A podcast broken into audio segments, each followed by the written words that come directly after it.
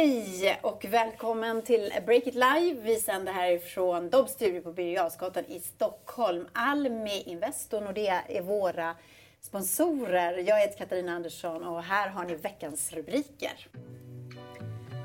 Har Google börjat ta användarnas privatliv på allvar? Nyheten i natt ska vi prata om. Grimes sålde digital konst för 6 miljoner dollar. Det här är den nya heta kryptotrenden och Tobias Blix är här för att berätta mer. Och så Postnordchefen som bytte sida. Nu ska han utmana budbranschen. Ja, där har ni våra rubriker här idag. Eh, och jag säger hej och välkommen till veckans gäst som heter Thomas Backteman. Välkommen! Tack så mycket. Och välkommen också Tobias Blix, Tacket. reporter på Breakit. Thomas, jag måste säga att eh, rent eh, utseendemässigt så är du ju en fantastisk tv-gäst. Tack. Alltså den där skjortan, glasögonen. Jag, jag blev lite impad av dig helt enkelt. Mm. Jättesnygg skjorta. Själv har jag ju kavaj idag, som ni ser. Jag fick en, en snilleblixt för att jag jobbar också på Sveriges Radio som är ett eh, högaktat mediehus. Ju. Och eh, där så jobbar jag som redaktör. Och då har jag ju en programledare som, som jag ska rätta. Och eh, vi satt och jobbade tillsammans inför sändning, ganska stressade, eh, här om kvällen. Och sen så när jag går in i kontrollrummet och han eh, försvinner ett tag och sen kommer han tillbaka iklädd, alltså kavaj och skjorta och skitsnygg. Och jag bara så här, vad har du gjort? Har du svidat om till en sändning i radio? Han bara, ja, ja men jag gör alltid det för att om jag tar på mig den här snygga kavajen Alltså, då känner jag mig lite mer uppsträckt och så blir jag bättre i sändning. Så tänkte jag så här, hmm, kanske är en bra idé. Ja, men jag tror att det finns en poäng i det. Alltså, jag tror att eh, sitta hemma i de här liksom, mjukisbrallorna och hoodien hela tiden nu i coronatider det är inte riktigt liksom, man, man eh, steppar inte upp riktigt dit man borde vara. Eh, jag har en, en kompis, eh, man kan se honom på Instagram under namnet Gustav V93 eller något ja. sånt där han har alltid kostym och slips eh, varje dag hemma i sina Zoom-möten. Därför han tycker att det är liksom, jag gör precis som jag brukar göra eh, när jag går till jobbet. Jag ska liksom se snygg ut när jag är i mina möten. Det finns en poäng med det. Det är jätteintressant. Mm. Jag tänker inte ge mig in i den här debatten känner jag. jag kommer utanför. Du sitter där i din skogshuggarskjorta. Precis. Vi har också med oss vår kollega Olle Aronsson. Hej Olle! Tjenare! Du är ju snygg som vanligt och du har också en väldigt fin eh, lampa hemma. En riktig lampa till sådana här Zoom-möten, eller hur? Det är därför du har så fin färg i ansiktet, är det inte så? Ja, det, det, är, den lampan är liksom inte anpassad för det egentligen. Det är mer tur än skicklighet att ljuset blir så pass okej okay som det ändå är. Men det här är också en sån grej, Thomas. Nej, men jag, jag har köpt en lampa som, eh, som jag kan ställa eh, intensiteten på och färgen på. Eh, jag har köpt en riktig kamera istället för att använda den på datorn. Så jag tror att det, man kan, det, är, det är inga stora investeringar, men det blir lite skillnad. Jag ja. tror också återigen på den där att liksom sträcka upp sig lite grann. Att inte bara sitta hemma och såsa framför, framför datorn.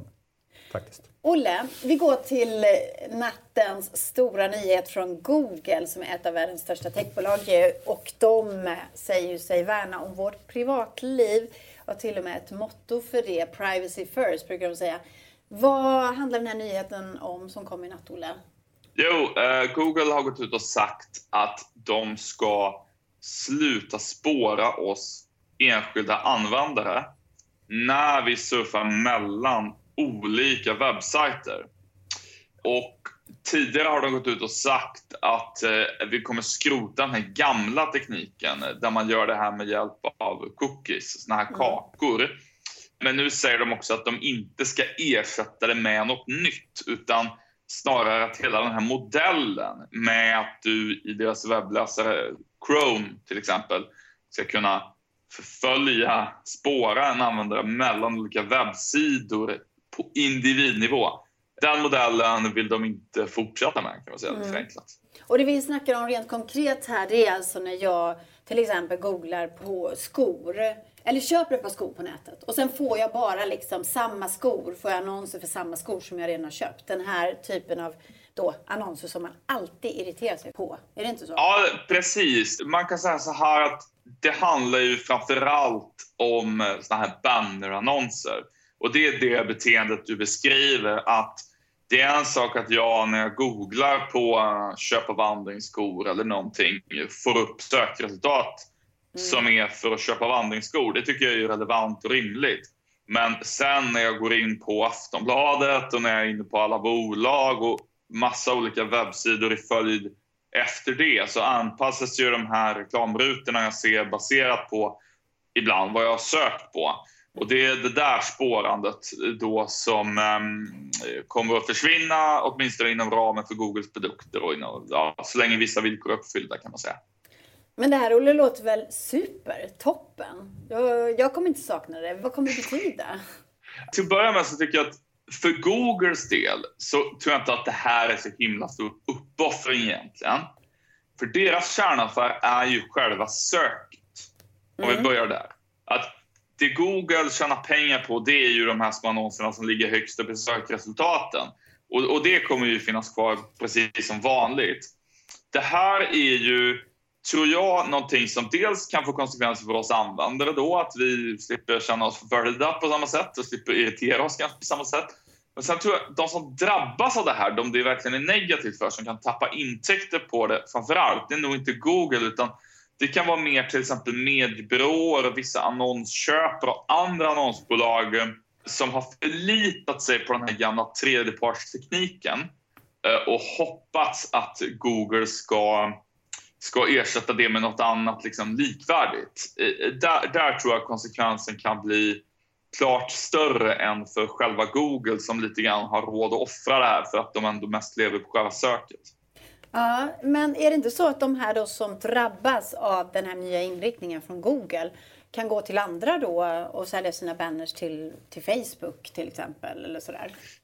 Jag skulle säga att det är så här att det pågår en ständig eh, realtidskonkurrens mellan olika annonsytor på internet. Vilken levererar mest resultat och vilken har lägst pris och så. Och här kan man väl säga att Google i sig blir mer renodlat mot sök och eh, Youtube, lite förenklat. Medan de här liksom eh, individanpassade ytorna som är någon typ av, någon typ av ruta, man ser mm. en stillbild eller något sånt det hamnar ju ännu mer i Facebooks händer. Och då, jag skulle säga, det här blir ju också ett sätt rent PR-mässigt för Google att förskjuta fokus från sig själva och säga nu tar vi initiativ här för att ge folk lite mer integritet. Man kan diskutera liksom hur det kommer bli i praktiken, men det är vad de säger. Och då förskjuts då, hoppas de kanske, fokus till Facebook. Facebook har ju inget sök, utan de lever ju ännu högre grad på att Eh, samla in liksom våra intressen och styra annonser baserat på det. Mm. På så vis blir det ett nålstick mot dem indirekt, även om det inte är vad Google säger öppet nu, tror jag. Mm. Alltså nålstick mot Facebook. Thomas, vi kastar in dig i det här också, för du har ju jobbat mycket med det här, antar jag, som kommunikationsdirektör. Jo, nej, men eh, att köpa annonser är ju en, en djungel eh, och eh, man är ju rätt mycket i händerna på de här stora leverantörerna. Eh, jag tror inte jag sa det Thomas, men du har ju varit kommunikationsdirektör på Postnord. Det sa jag väl inte när vi började? Nej, det Glömde du det? det? Jag, var ansvarig för kommunikation och eh, marknadsföring och varumärkesfrågor på Postnord fram till sommaren 2019. Nej, men, och, och, även nu när vi ska lansera i boxen så är vi också och tittar på hur vi ska kunna kommunicera det och här vill mm. vi vara väldigt... I nya starten. Precis, och där vill vi vara väldigt lokala så att vi, eh, vi försöker Eh, köpa annonser i, i liksom väldigt nära där boxarna står för att inte få så mycket spill eh, hos människor som inte kan ta emot paket i boxarna. Och då är man helt i, i, i händerna på, på både Facebook och, eh, och Google. Mm. Vad tycker du om det här då, att Google Alltså jag, jag, jag, är ju allmänt skeptisk till, alltså de, hela de här affärsmodellerna är ju, tycker jag, som samhällsmedborgare är man lite skeptisk till. Eh, de här algoritmstyrda liksom, eh, modellerna som man har väldigt dålig insyn i, inte riktigt förstår hur de fungerar, men som styr oss både som, som människor och som konsumenter i ganska stor utsträckning. Så att jag, jag, jag, kan nog också vara lite skeptisk till vad det här mm. faktiskt egentligen betyder. Säger Thomas Backteman som alltså tidigare varit kommunikationsdirektör på Postnord Och eh, nu eh, ska ge sig in i startupbranschen med en ny idé som vi strax ska prata mycket mer om. Olle Aronsson, du får ju eh, fortsätta googla nu, kanske då utan att bli förföljd av trista annonser. Det känns bra, eller? Ja, det, det känns kanon. Jag gillar ju sök som modell. Då får man ju välja själv om man... Ja, det är bara när jag söker som jag får sökannonserna. Det kan jag ju välja själv så att säga. Så att det, det, det kommer jag fortsätta med. Mm. Tack för den här spaningen, Olle. Eh, och eh, vi går vidare i programmet. Jag vänder mig till Tobias Blixt. Hej. För du har ju också en, eh, en spaning. Och eh, det handlar om Grimes, alltså eh, artisten, musikern och Elon Musks flickvän som i söndags gick ut på nätet och eh, sålde en samling av konstverk. Hon hovar in 6 miljoner dollar på på 20 minuter tror jag att det var. Jag tror det var något sånt. Ja. Ja. det handlar inte om Grimes kanske, men eh, hon, hon är en stor del i detta i alla fall, kan man säga. Det handlar om det hon gjorde. Precis. Hon sålde de här konstverken. Och det här är en del av en ny kryptotrend som du har grottat ner i Tobias. Vad handlar det om? Man kan säga att det är något som tagit fart framförallt sedan årsskiftet och som gör att man kan ta betalt för ett, på ett helt annat sätt för sina alster, sina verk på internet eh, med, med den här tekniken som nu har fått fart. Då. Och det har ju varit ett problem innan på nätet att om du skapar en digital bild, det är väldigt lätt att kopiera den, det är väldigt lätt att sprida den. Vem äger den? Liksom? Vem ska få pengar för den om man säljer den? Men då kan man nu helt enkelt genom att använda blockkedjan registrera sitt verk, då, sitt alster, sin produkt och därigenom kan man hela tiden följa vem som äger, vem som äger originalbilden och, och vem som skapade den och vad den har sålts för. Så att eh, det skapar helt nya affärer på internet kan man säga. Så det var precis det här Grimes gjorde då. Hon eh, la ut sina konstverk till, Precis. till försäljning och så får man liksom som ett vattenmärke på hennes konstverk då. Att man kan inte säga att man har det om man inte har original. Ja, precis. Det, det, det är ett väldigt starkt kontrakt på, den här, på de här tavlorna hon sålde helt enkelt som hon auktionerade ut då, online på en marknad. Undrar om det var därför Elon investerade i, i bitcoin. För det är väl också blockkedjor om inte jag har Ja, missuppfattat allting.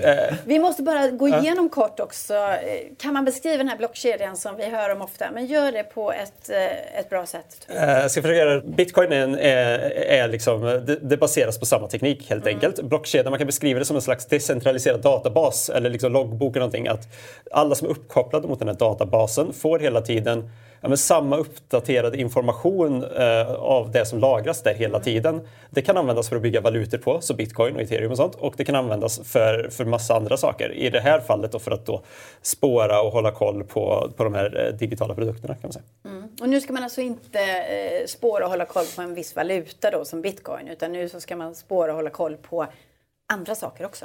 Precis, alltså det kan handla om, i, i Grimes fall, då, digitala målningar. Eh, det kan handla om alltså, rörliga giffar. Eftersom det är digitalt finns det jättemånga möjligheter. Det kan liksom vara filmer och ljud. Allt egentligen som du har velat kunna lagra digitalt eh, ska du nu kunna få någon form av ägandeskap i. Eh, bevisat ägande.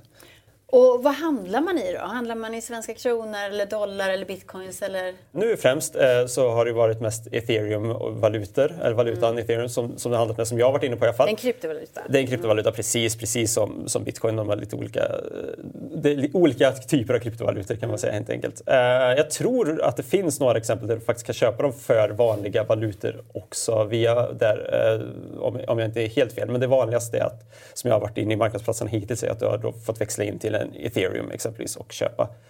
Men eh, den här förkortningen som förekommer när vi eh, pratar om den här trenden, NFTs. Precis, det som, som var för, eh, förkortat. Eh, Non-fungible token tror jag att jag uttalar det rätt i alla fall. Eh, när man använder den termen NFT för den här trenden då, som man ser och det är ju för att helt enkelt om man jämför med bitcoin eller en vanlig valuta, alltså en, Mm. en, bi- en bitcoin är en bitcoin, de, är ganska, de har samma värde, du kan byta Mm. dem fritt. En krona en krona liksom.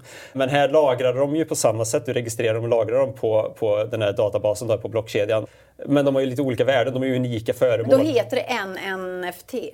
Ja, precis, ja, precis, det Om är jag har en NFT så har jag Grimes ena konstverk. Då Precis. kan du ha en som... Precis, och då är de ju inte riktigt samma. De kan Nej. ha samma värde förvisso, de Ja. vara värda en miljon, men de är ju unika produkter i det här fallet. Då. Okej. Lätta sätt att förklara på tror jag. Säg det igen, NFT. Non... Non-fungible token. Du kan jämföra kanske med någon form av valutor på något sätt, eller unika föremål. Eh, Ja, men vi känner oss lite smartare när vi ungefär vet vad NFTs är för någonting. tror i det. Mm. Du, det här med blockkedjan och, eh, och hur man handlar här på nätet. Vad, vad tänker du om det? Nej, men alltså, det finns ju rätt mycket försök också med att använda blockkedjor för att, eh, för att verifiera eh, varor som förflyttas. Så att istället mm. för att ha, som man idag har, fysiska avtal mellan olika transportörer så skulle man kunna koppla en blockkedja på ett, på en, eh, ett paket och sen så låta blockkedjan växla när man växlar transportörer till exempel eller när man lämnar över det till, ett, till en box för att lämna ut eller till ett ombud eller någonting. Ja. Men det så där ser man ju ibland när, när de frågar så här, vill du eh, följa din försändelse? Det är inte blockkedja. Nej, det är inte blockkedja. Det är, ju, det är en ganska eh, fysisk, det, det, är ju bara att eh, du har uppkopplat fordonet så du vet var paketet är lastat någonstans. Men vad är fördelen med den här eh, Nej, men om, blockkedjan? blockkedjorna, om det skulle fungera eh, så skulle det ju dels bli eh, eh mindre så administrativt arbete. Man skulle kunna automatisera processen. Den skulle ju dessutom bli mycket säkrare därför att det är väl det som är hela poängen med blockkedjor om inte jag har missuppfattat allting. Mm. Att det, den verifieras. Det är inte bara så att säga, alla i databasen har access till den men alla i databasen verifierar också blockkedjan hela tiden. Så att det är liksom nästan omöjligt att förfalska en blockkedja utan, utan, eh, därför då måste man kunna påverka liksom miljontals olika noder i den här databasen. Så det, skulle ju, det skulle ju underlätta säkerheten, det skulle kunna automatisera en massa processer. Så att jag, jag, jag gör ju bedömningen att blockkedjetekniken mm. kommer att komma in i logistikbranschen eh, ganska snart och i ganska stor utsträckning. Mm. Men eh, Tobias, har du några mer exempel på hur man använder just den här eh, tekniken för att handla digitala produkter på nätet? Ja, men det kan jag göra. Det är inte bara tavlor som säljs. Det är inte bara Grimes som är ute och säljer digital konst. Eh, vi har ett exempel på ett företag faktiskt som säljer samlarkort, du vet klassiska hockeykort som, uh, jag, jag, som jag hade när jag var liten, som flesta har kanske haft när liten, eller Pokémon-kort eller vad som uh. helst. De har ett, uh, ett officiellt licens nu med amerikanska basketligan med NBA. Mm -hmm. Så att du kan köpa digitala samlarkort som kommer från NBA och då är det inte liksom bara en tråkig spelare på liksom pappbit du får utan då är det liksom rörliga videohöjdpunkter från säsongen. En cool dunk liksom som någon har gjort eller en dribbling som, har då, eh, som man då säljer i de här limiterade unika samlarkorten Aha. som kommer i vissa upplagor bara. Ja. Um, och, och då, då, får de liksom ett helt annat samlarvärde för att veta att okay, men det finns hundra av det kortet. Jag har det kortet. Det är bevisat. Även du lägger man... ut på Instagram och säger Precis. this is mine. Precis, och det, det är det folk, man har fått, ett, man har fått in det samlarvärdet mm. som har mm. funnits så länge genom att köra de här produkterna. Vem som helst kanske kan se den här dunken på Youtube men du äger liksom det här lilla kortet. Det är, det, det är som underbart. Folk är villiga, och då är folk villiga att betala väldigt stora belopp för, för den här äganderätten som det egentligen är eftersom det är så lätt att kopiera bilder. Vad har de tjänat på det där då? Sen de startade samarbetet så har det sålts kort totalt ja. för 320 miljoner dollar tror jag. Så mycket pengar som har så här, bytt ägare som säger under tiden. Så det Thomas Tobias, ja, vi måste snabbt komma på ja, någon produkt verkligen. som vi kan sälja genom den här Tre miljarder verkligen. på digitala kort. Tack så mycket Tobias för att du kom hit och spana.